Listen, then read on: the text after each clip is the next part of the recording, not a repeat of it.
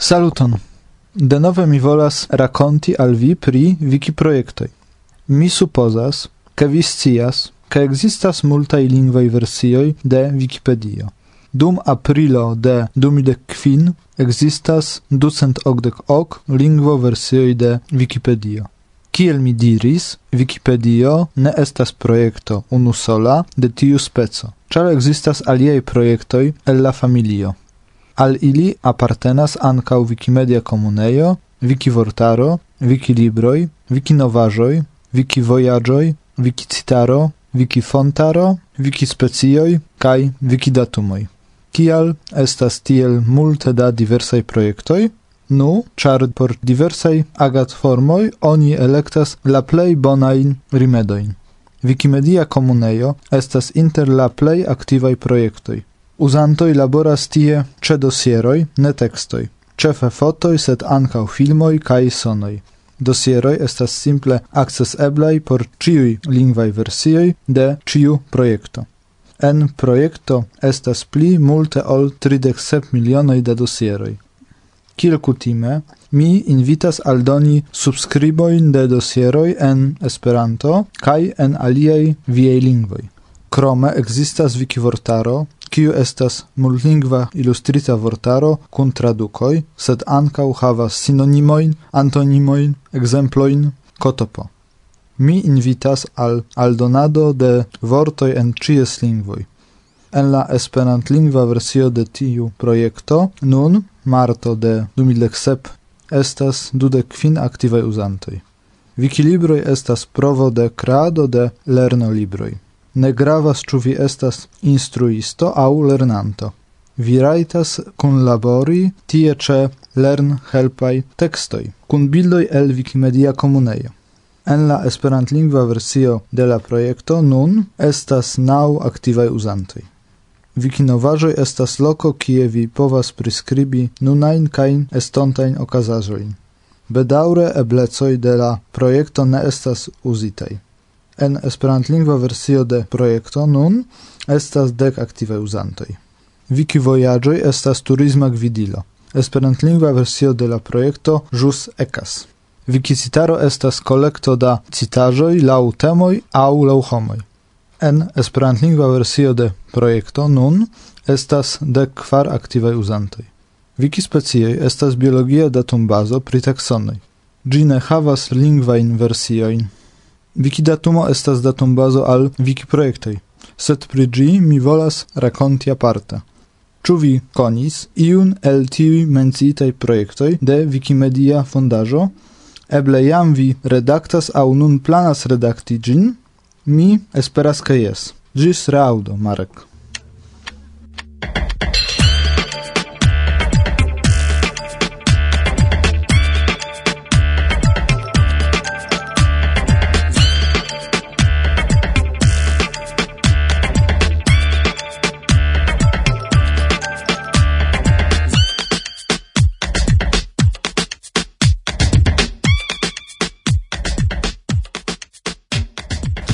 1, 2, 3.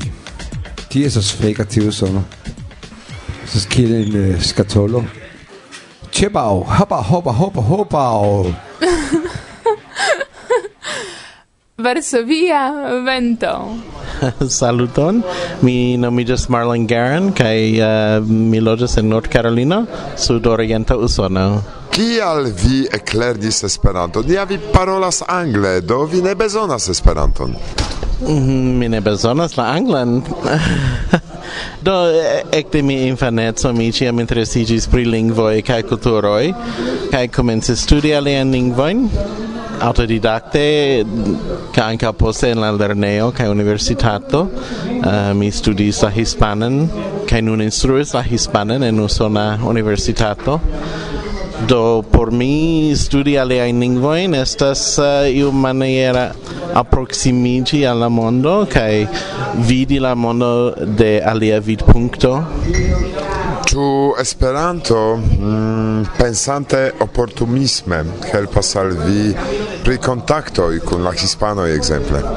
Um, yes, uh, do mi venis al Hispanio plejparte por fare turismo, ĉu ne?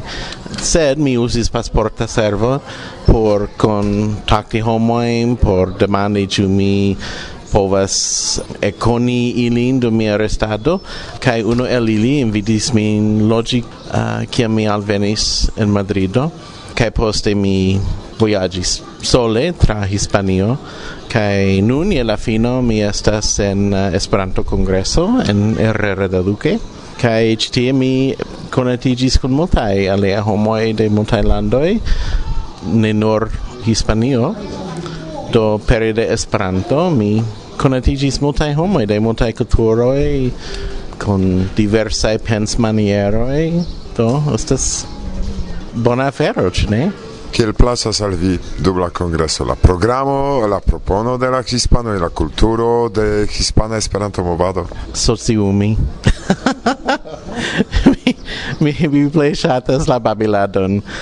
Prelegoj kaj tiu speco da afero estas interese, sed kiam oni povas eh, uh, vere paroli kaj babili kun aliaj homoj, estas tute alia afero che vi ne spertas sidante in class chambro ascoltante iu kiu prelegas eh, uh, quancam estas interesse uh, eh, ne estas la sama simple babili kun homoj. Ĉu vi post reveno en vian landon mm, kaj kontakto kun viaj studentoj post uh, somera paŭzo? Rakonto al ili ke dankal Esperanto vi vizitis tutan Hispanion kaj poste rilatis kun multaj homoj dankal Esperanto. Uh, en mio en mia universitato ciu isias che mi estas esperantisto. la plimulto demandis ĉu tio ne mortis en la sepdeka e aŭ simile. Kaj multaj homoj miras ke mi kiel instruisto de lingvoj uh, interesiĝus pri Esperanto. Sed mi jam confessis multfoje a mia studentoi cae collegoi ke mi parolas Esperanton oni taxas tion iom amusa kelkfoje, sed mi ja ciam diris, do mi ja parolis kun homoj kun kiwi mi ne dividis nenion ajn alian lingvon.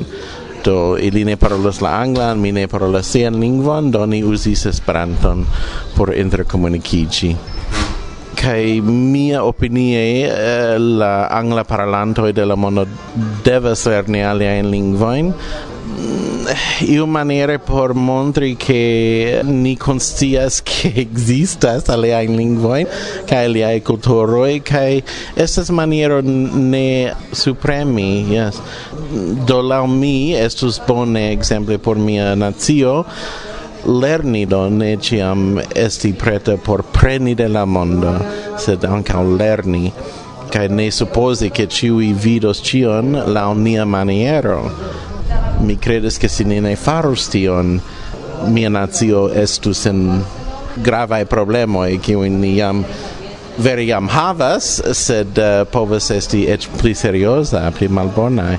Cae, uh, se ni volas che la mondo havas bonan opinion de ni ni devas fari tion kion ni volas kaj ni havas la eblecojn fari tion multe pli ol en aliaj landoj ke oni devas zorgi pri uh, de kio mi povas preni sanan akvon.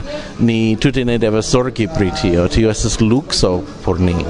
Sed por multaj homoj en la mondo tio ne estas lukso. Tio estas travivi la tagon do ni devas respondeci iometi pri tio ke ni havas la ŝancon plibonigi la mondon.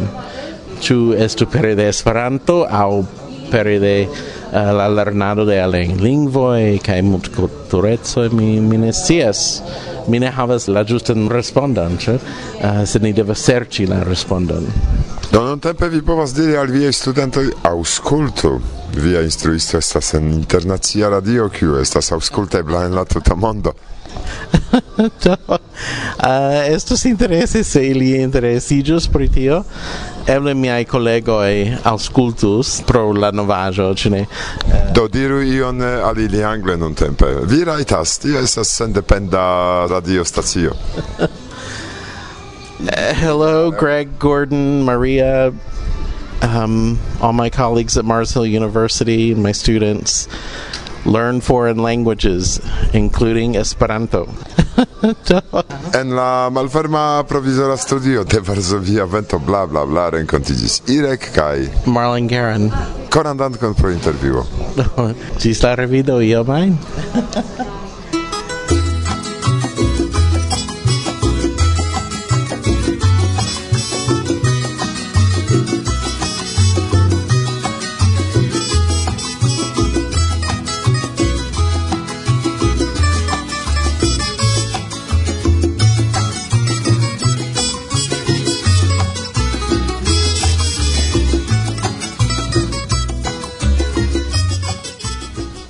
sobie jaweta. Ble, ble, ble. Kontakto. Amir. Chef articolo. Michiam. Mhm, mm -hmm. Awutempon. Hipnoterapię. Hmm. Komikso. Tri horoj postek. Życie. Stella. Hmm.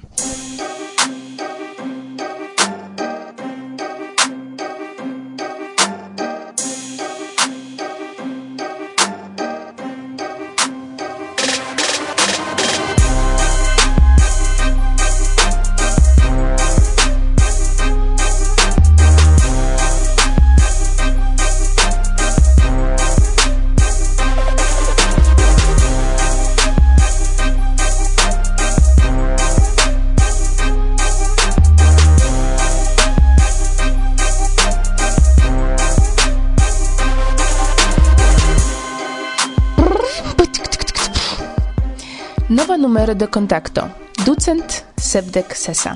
Kaj kiel ciam la sama problemo, kun electo de unu el multa interesaj artikoloj, kion mi povos prezenti, mallonge priskribi kaj pli proksimigi al vi, niaj aŭskultantoj. Ci foje, compreneble kun plezuro, mi tralegis la tuton, kaj compreneble kun kroma plezuro, mi prezentas al vi mallongan priskribon de vere, vere interesa artikolo pri hipnoterapio. Certe ciui de vi sias cio gi estas, sed ĉu vi scias ke hipnota dormo povas favore influi ancau aliaen somatajn malsanoin, kiel exemple ebligi redukti la perceptadon de doloro? Kai, ke nuntempe la scienzo dividas la hipnodormon en du partoin. la experimentan, kai la medicinan. La experimenta hipnodormo studas la fundamentojn, la medicina studas la uzadon de psihoterapio. Interese, ĉu ne? Krome, en tiu vasta du pagia artikolo vi povas legi pri kondiĉoj por uzadoj de hipnotadormo en terapio, pri hipnodormo en medicinaj fakoj, kaj kompreneble generalan fundamentan flankon de la hipnotadormo. Carai, tralegu contacton, cun speciala atento alla articolo pri hipnoterapio compreneble. Valoras. Kai mi certigas vin, che ne estus perdo de via tempo. Sed ne pensu che en gi vi trovos priscribon kiel hipnoti aliain, char la terapion per hipnoto povas uzi respondece nur curacistoi kai psicologoi kiui havas ateston pri qualifico en la faco. Mi forte avetas contra la amatoroi kai nefakuloj, char ilia uzado de hipnoto estas dangera. Aldone, La artikolo estis verkita parte la prelego de profesoro Stanislav Kartochvil kai parte la uspertoi de autoro, kiu estas krimedicina psikiatro. Dankon.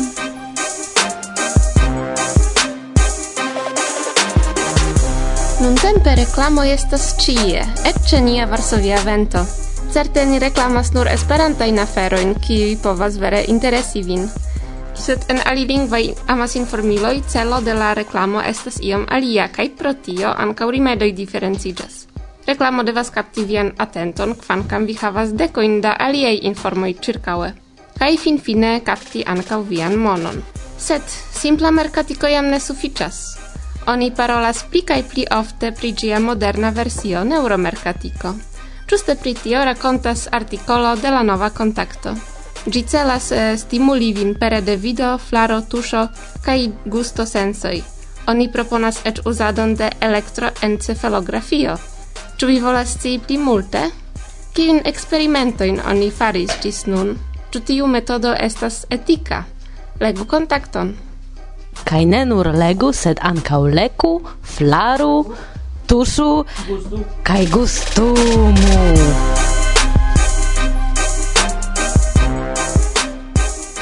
Ah, A. Redakcie. Ĉu vi legas en kondukon skribitan de ĉefa redaktoro? Aŭ eble ne legas vi? Mi devas konfesi, ke ne ĉiam mi legas. Kaj tio ne koncernas nur esperantistajn tekstojn, sed ĉiujn ĉar mi kutimas tre rigardi tutan revuon aŭ gazeton. Fine mi trovas ion interesan, poste sekvan kaj sekvan, kaj poste mi devas ĉesi legadon por fari ion alien. Kaj nur kiam mi havas tempon legi gazeton aŭ revuon la duan fojon, mi turnas atenton pri enkonduko. Ĉe la antaŭa numero estis alie – mi rimarkis foton de la ĉefredaktoro kun iu amikino. Komence mi pensis eble temas pri vic-ĉefredaktorino, tamen poste evidentigis ke tio estis malgioia adiaŭo kun tre cara al Hožner persono. Tio influis al temoj en la nuna numero de kontakto, Char la ĉefa artikolo kaj kelkaj aliajn rilatas al sano kaj malsano. Ni, esperantistoj, troviĝas ĉie en la mondo, sed nia esperantista mondo ne estas tiel granda. Do ĉiu, kiu volas esti konata, povas esti en nia tutmonda vilaĝo. Kaj tio estas bona, ĉar ĉiam estas pli plezure legi artikolon de amiko aŭ pri amiko, aŭskulti kanton, prelegon de kolego, ol nekonatulo. Ciu autoroi de artikoloj en kontakto kai en aliai esperantistai revuoi same kiel tiui kiui skribis al hojoner en lia malfacila tempo, electis esti activai. Electis diri tion, kion ili pensas pri aferoi konatai au ili, au preni la vocion kai commenti char revuoi bezonas ne nur abonantoin, sed ankaŭ reagantoin. Se vi volas esti autoro, ne hesitu, verku, skribu. Kiel ne? Se vi ne scias pri kio, observu ĉirkaŭaĵon. Vivo plen plenas de temoj. Gi skribas la interesa in scenaroin suficias do nur observi kaj jen preta artikolo sugestoi pri kio skribi vi povas trovi en la revuo. Do, ĉu valoras legi en kondukon? Jes, ĉar tio estas ne nur enhavo de ĉiu numero. Estas por vi ŝanco al reago. Dankon, kaj mi salutas ĉiujn aktivulojn de kontakto. Saluton karaj! Ankaŭ mi trovis tre interesan artikolon en la lasta kontakto. Mi supozas ke la nomo de Amir Haĝahmetoviĉ ne estas tiom konata de la generala esperantista publiko. Ne ĉar lia familia nomo estas malfacile prononcebla, sed ĉar malgraŭ la talento kaj amo al muziko, li estas simple homo diskreta. Kia estis celo kaj ideo de la lanĉo de la lasta kodo Bosniumas? Kaj se vi volas sci kio estas svedach muziko? nepre legu la artikolon. Mi tre rekomendas. En contacto aperis nova rubriko, au almenau mi gin ne vidis antaŭe. Ĝi nomiĝas Kontaktek. Rubrico en ci numero priscribas kelkain novajoin el la technologia mondo. Exemple, oni mencias junulinon, kiu suferis pri cancero. Si sciis, che si mortos, do petis, che si estu frostigita post morto. Se vi miras, che jam post morto oni frostigis sin, mi diros, che mi legis pri criogenico, do frostigado de corpo, ancau en aliai fontoi. Oni jam diras, che ni ne scias, kion ontai generacioi opinios morto, do revivigo eble eblas.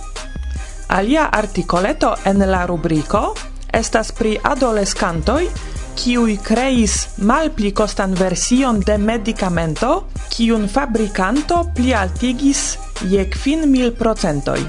Mi esperas, ke kontakto daŭrigos tiun rubrikon pri teknologiaj novaĵoj.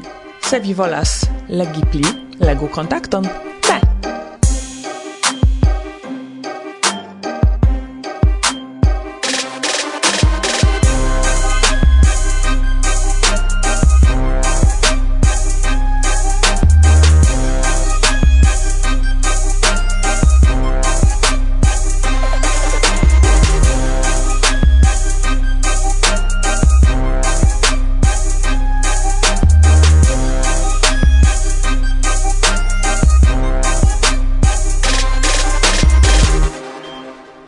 Saluton. Kontaktek estas por mi la plej interesa parto de kontakto. Sed mi ne povis ĉeesti dum la redakcia renkontiĝo, do ĉifoje pri ĝi parolis Goŝka me. Tial decidis mi substreki parton temo sugestoj. En tiu parto la redakcio invitas al verkado de tekstoj al kontakto. Proponitaj temoj estas: sano, emigrinta krizo, plur amemo, consumismo, rubajoi, kai polemikai tradicioi. Persone mi volas peti pritextoj, kiui rilatos al sciencoi kai technologio. La Pola Bardo, Jacek Kaczmarski, Kantis.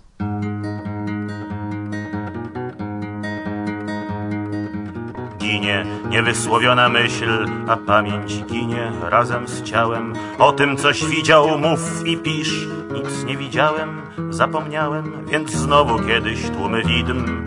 Minione nam przypomną zdrady, znowu rozważnym kurz jak wstyd zakryje puste dno szuflady. Mortas ne esprimita penso, same kiel memoro cun corpo diru kai scribu do kion vi vidis. Neniel mi vidis, mi forgesis. De nove revenos do amasoi da fantomoi. Memorigu al ni la perfidoi pasintai. Opowiedzą sobie baśń, żyć będą długo i szczęśliwie. Był sobie kraj,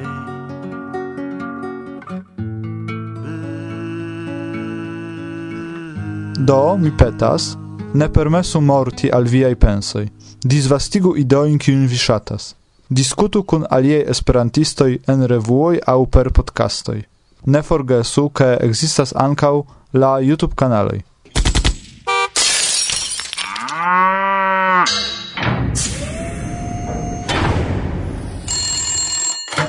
Istvan Ertl, poemo pri viai est manieroi en mi.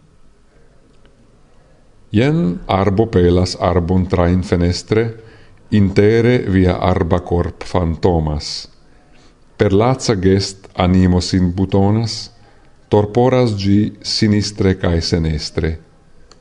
Loculo en ur, la virga vid del menso perceptas ci aperon de limago, de bildo via, iam neni un mago trasorcios gin al plicarnezza senso. Por mi, gis nun, vi estis malrealo. Pli vera el la foro ol ceste, perturbis via voc, la eta palo, la tus anima, la maltuso corpa. De nun, pli veran vin mi gardos neste, vi eros en la cor, memor ne morta. Mi devas tion pripensi.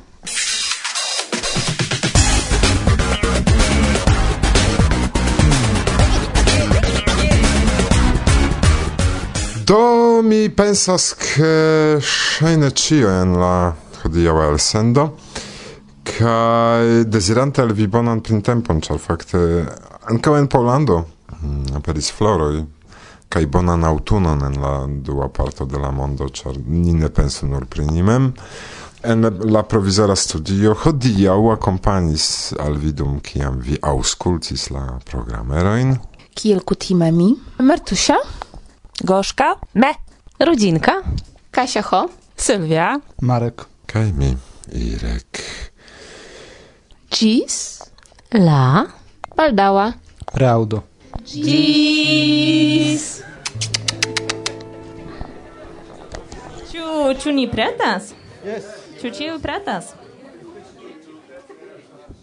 Yes. Ciu pretas? Ciu pretas? Ciu surceneju pretas?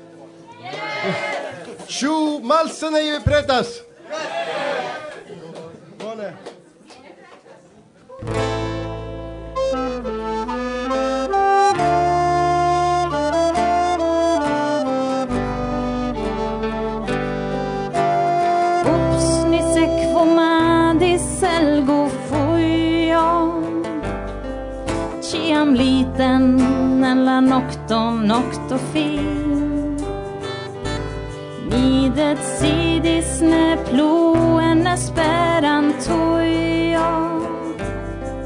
Sed candele toso ja efficas min.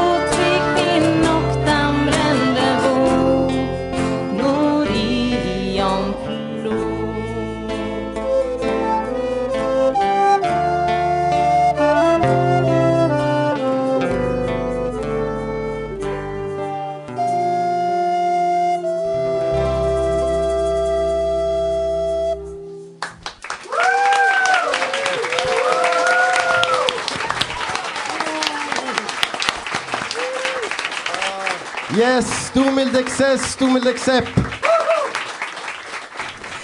Varsovia vento, bla bla bla.